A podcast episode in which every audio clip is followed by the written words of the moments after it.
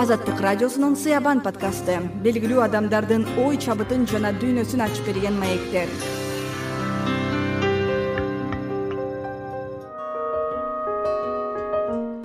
Токсонго таяк болгон кишимин жыл өткөн сайын адам карылыкты сезе баштайт экен. Мен эч качан вот ушу биротоло жазуучулукка ооп кетем деп ойлогон эмесмин. Чикемде чике дейбиз. Вот. Ал менен эки срок секретарь писатель болуп иштедим улут болгондон кийин улуттук тил өйдө туруш керек. Аябадай жанымда отурган экен деп колуман комуз түшүп кетти мен соорунучумун мына ошолор ошолор менен бактылуулант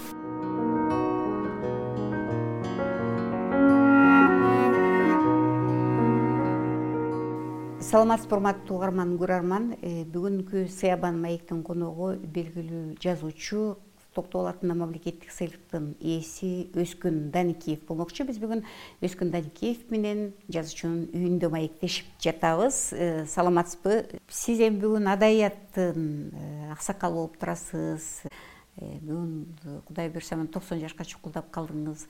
Карылыкты кандай өткөрүп атасыз? Ден соолугуңуз кандай? Чыгармачылык менен алектенип атасызбы?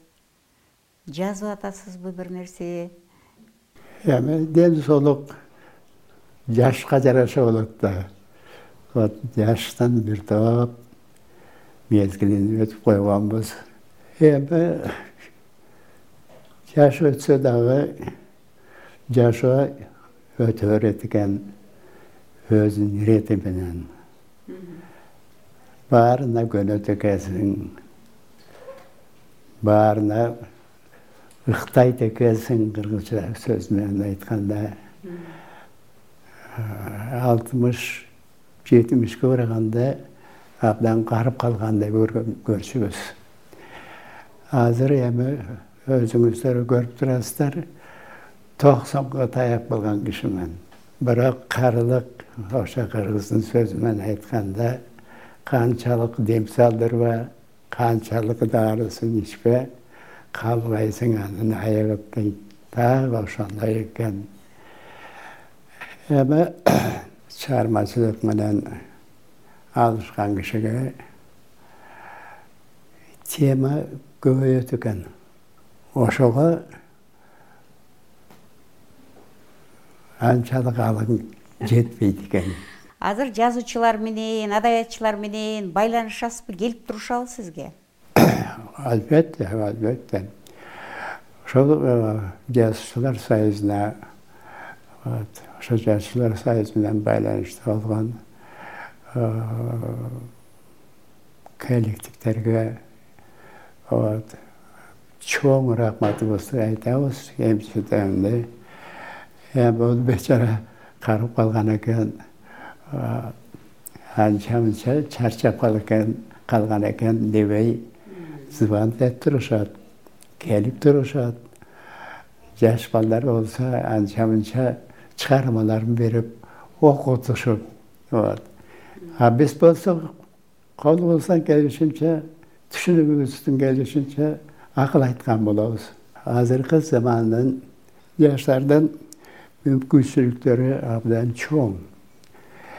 Мен э, ошол биздин муун жөнүндө азыркы муун жөнүндө бир эки ооз сөз айтып койсом айтыңыз. биз окуп жүргөндө мен айылдан окугам төртүнчү класска чейин. Анда мектебибиз төртүнчү класска чейин эле бар болчу. Айылда бир эле китеп бар болчу. Ошону жатка билип алчумун.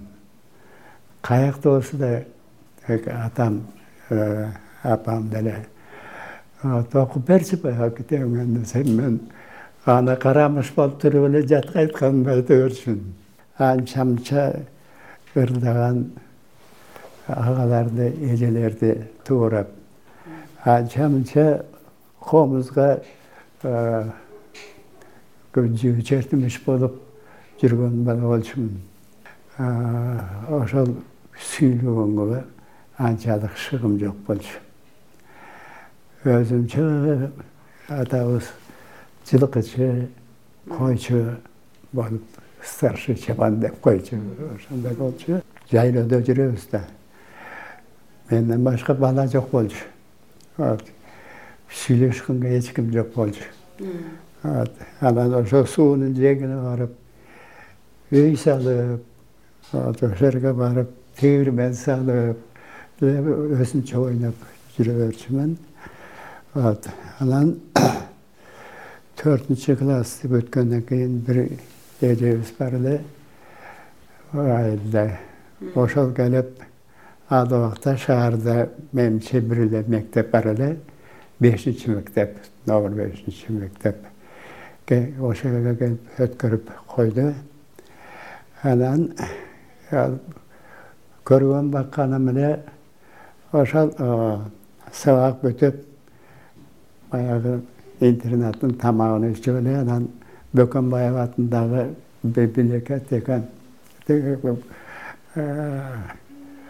китепкана бар эле. Ошого барып эле сабак менен алышчумун анан онунчу классты ошол жанагы алтын медаль менен бүтүп анан москвага жиберип жиберди кинону жакшы көрчү элем ага да барбай калдым. Сүрөт тартканды жакшы көрчү элем архитектураны. Ага да барбай калдым. Анан москвадагы сталин атындагы тоген институна өтүп калдым. Агай мен сизге бир суроо берейинчи ушул жана өзүңүз менен чогуу жүргөн курдаштарыңыз жөнүндө айтып бергиңизчи салижан ишенов сагынбек деген художник билесиздер. Анан байдылда окуду. Эми байдылда бизден кичине илгерирээк болчу жашы.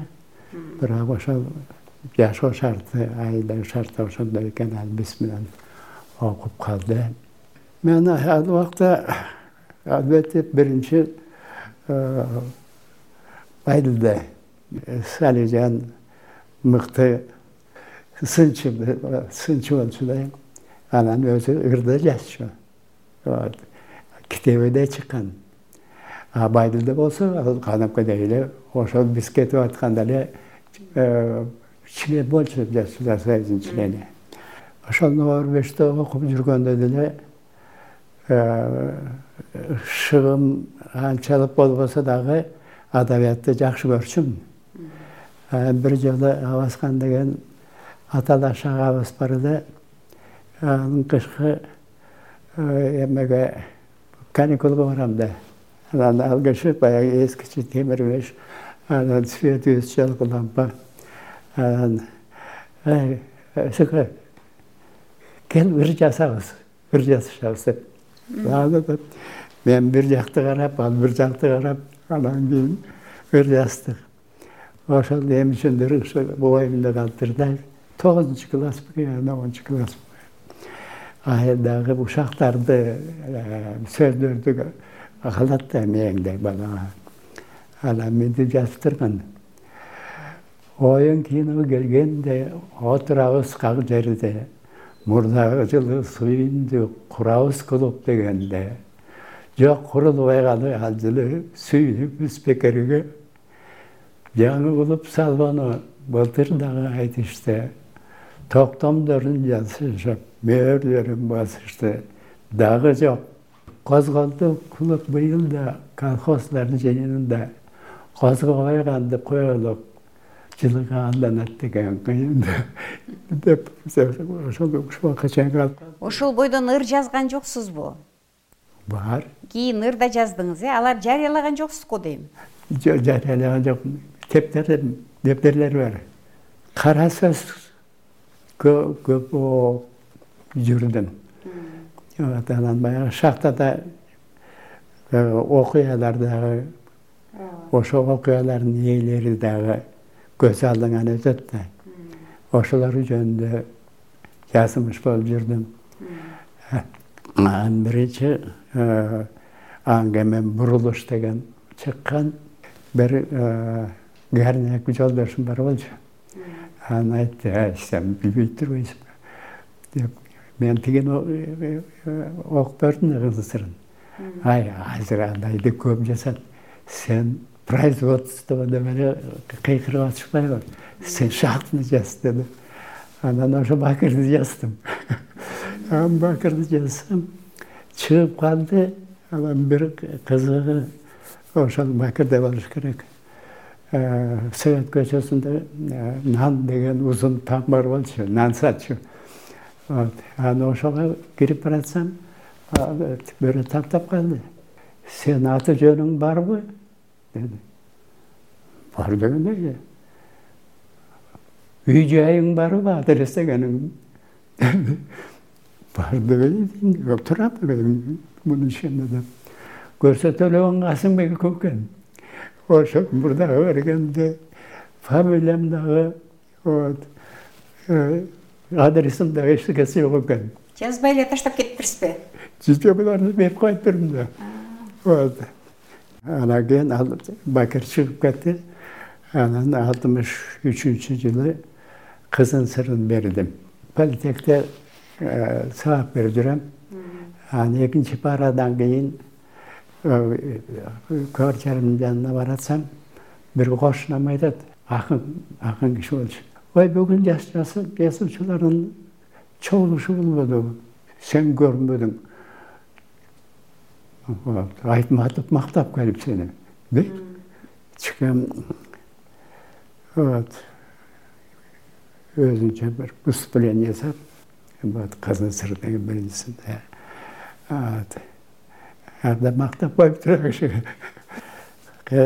тукам түкөлбай сыдыкбеков анын өзү горный инженери болсо дагы татынакай кызыл сыр деген повесть жазган өзү горный инженер экен деп айтканы бар.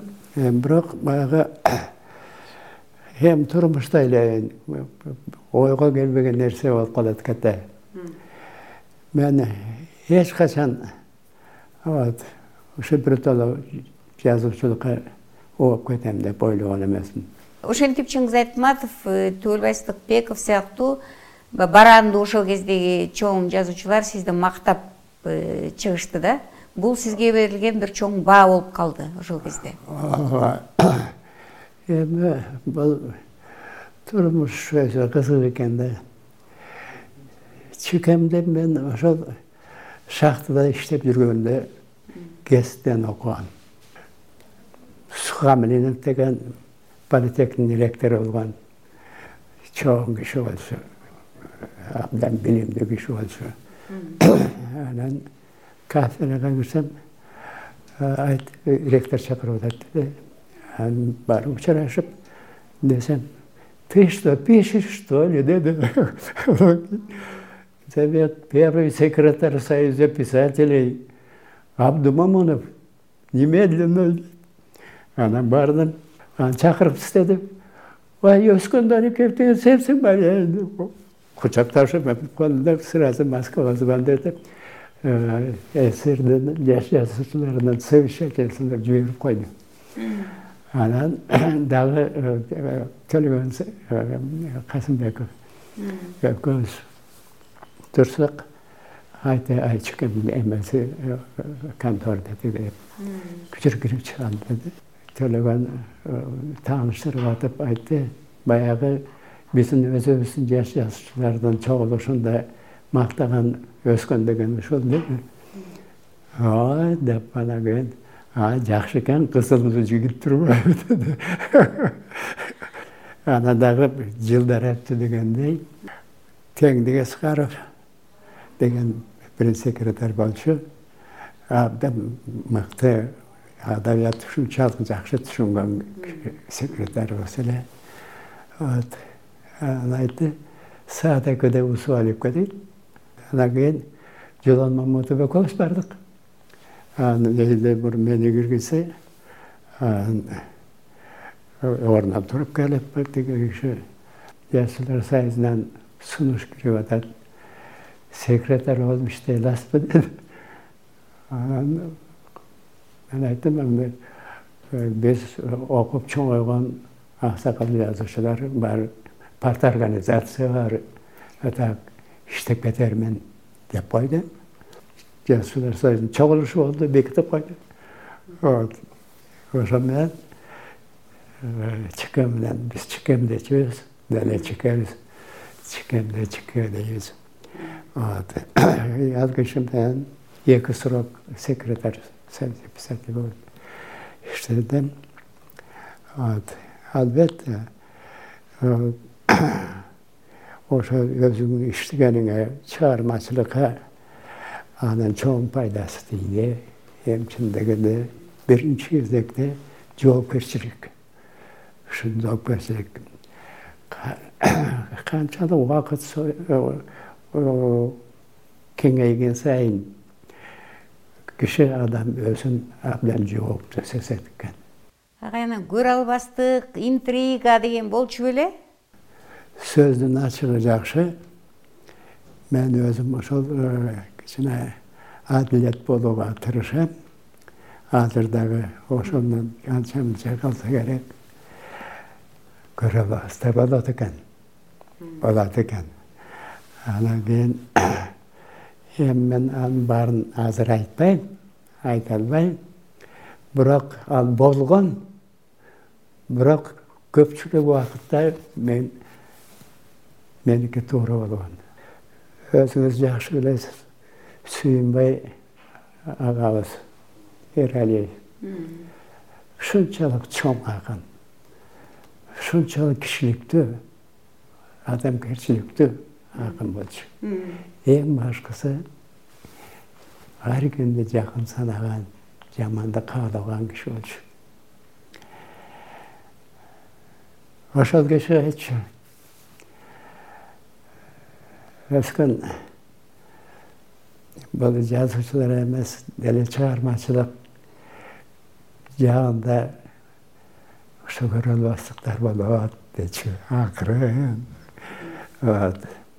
Далайны уктук го.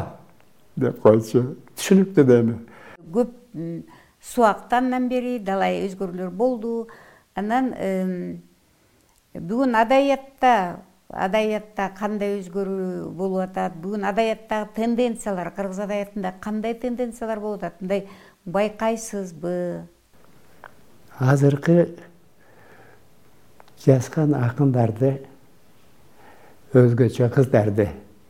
Вот. Деп ошол материалы кандай болушу мүмкүн эле бирок ошол кандай ыр сабына айланды. Ошол жөнүндө ойлоп келсем азыркы кара сөздү да ошондой кара сөз ошондой. Азыркы балдар жаштар жазуучу жаштарды айтып атам. Бул жалаң гана өзүбүздүн регион менен кызыкпай азыр дүйнөлүк адабият менен кызыгат. Ошол дүйнөлүк адабиятка чыгууга аракет кылышат да аракет кылышат. Бирок мен айтарым эми мен башкалардай бир жазуучу жаштарды жакшы айтып экинчи жаштарды унчукпай койсом дагы болот. Ошон үчүн тим эле азыркы адабият жакшы жакшы. Өзгөчө ушу поэзия жагынан жакшы. Биздин өлкөбүз гүлдөгөн мамлекет болуш үчүн өнүгүш үчүн эмне кылуу керек кандай кеңеш берет элеңиз анткенде ушул өнүккөн өлкөлөрдүн катарына кошулабыз. Ал үчүн коом эл эмне деген аракеттерди көрүш керек сиздин баамыңызда. Айта турган жасай турган аракет абдан көп. Мен ошол өнөр жайдын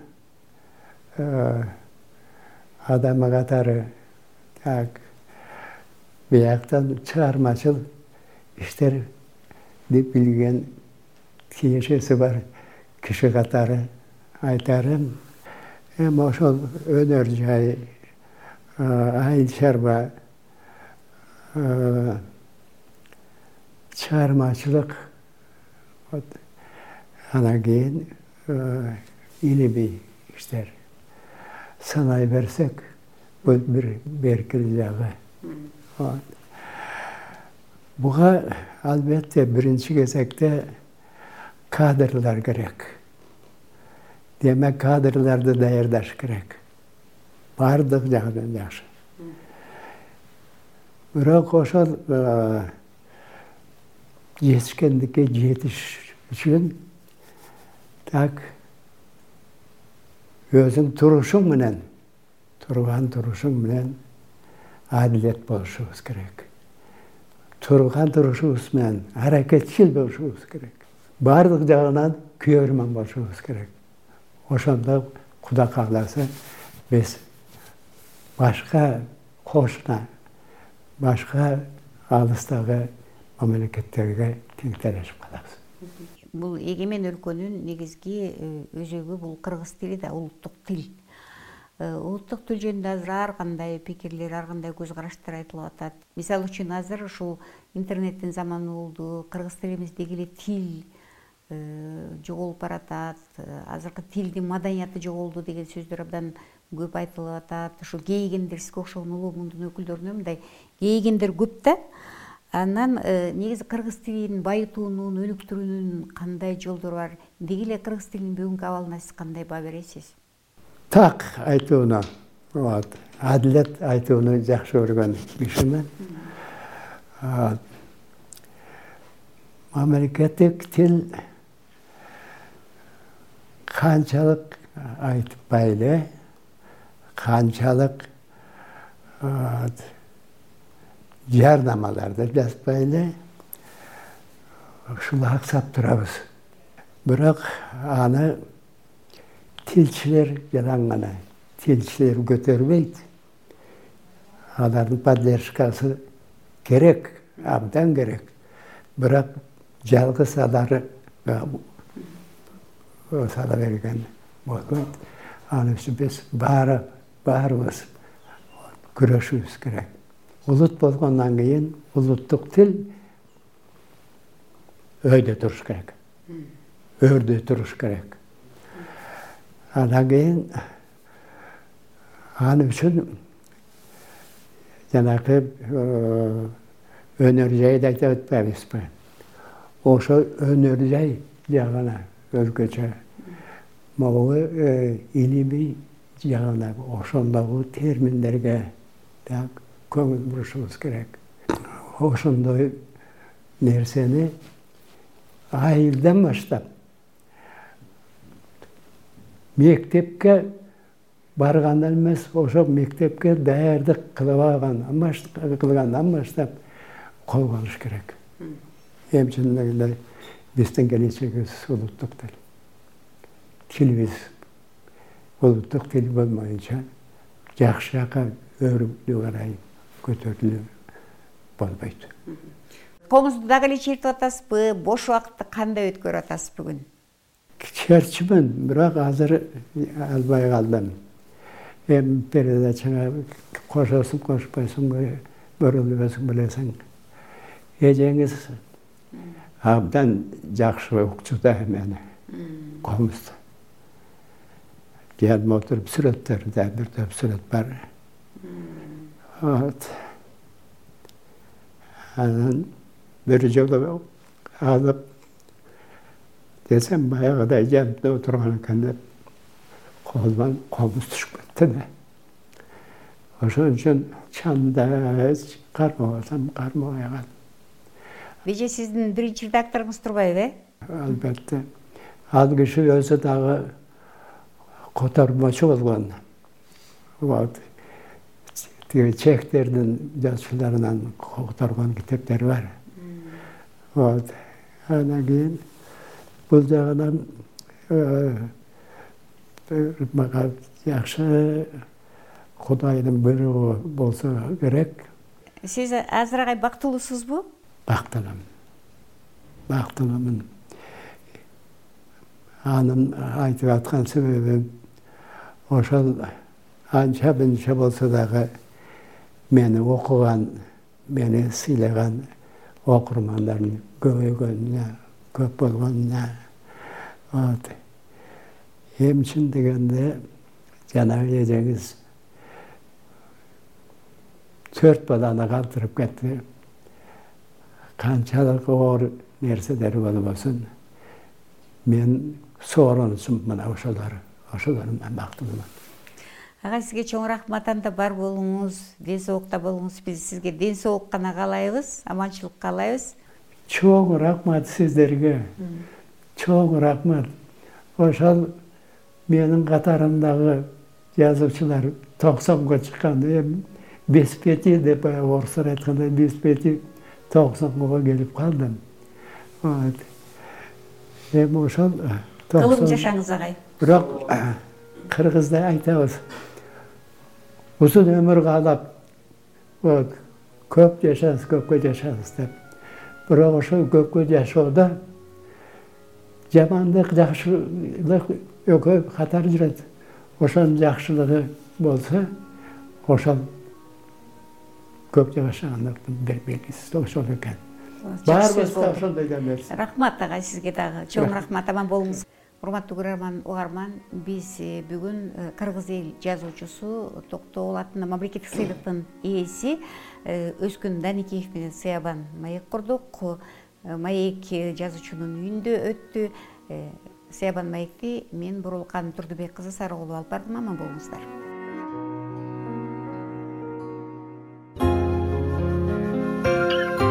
азаттык радиосунун сыябан подкасты. Белгилүү адамдардын ой чабытын жана дүйнөсүн ачып берген маектер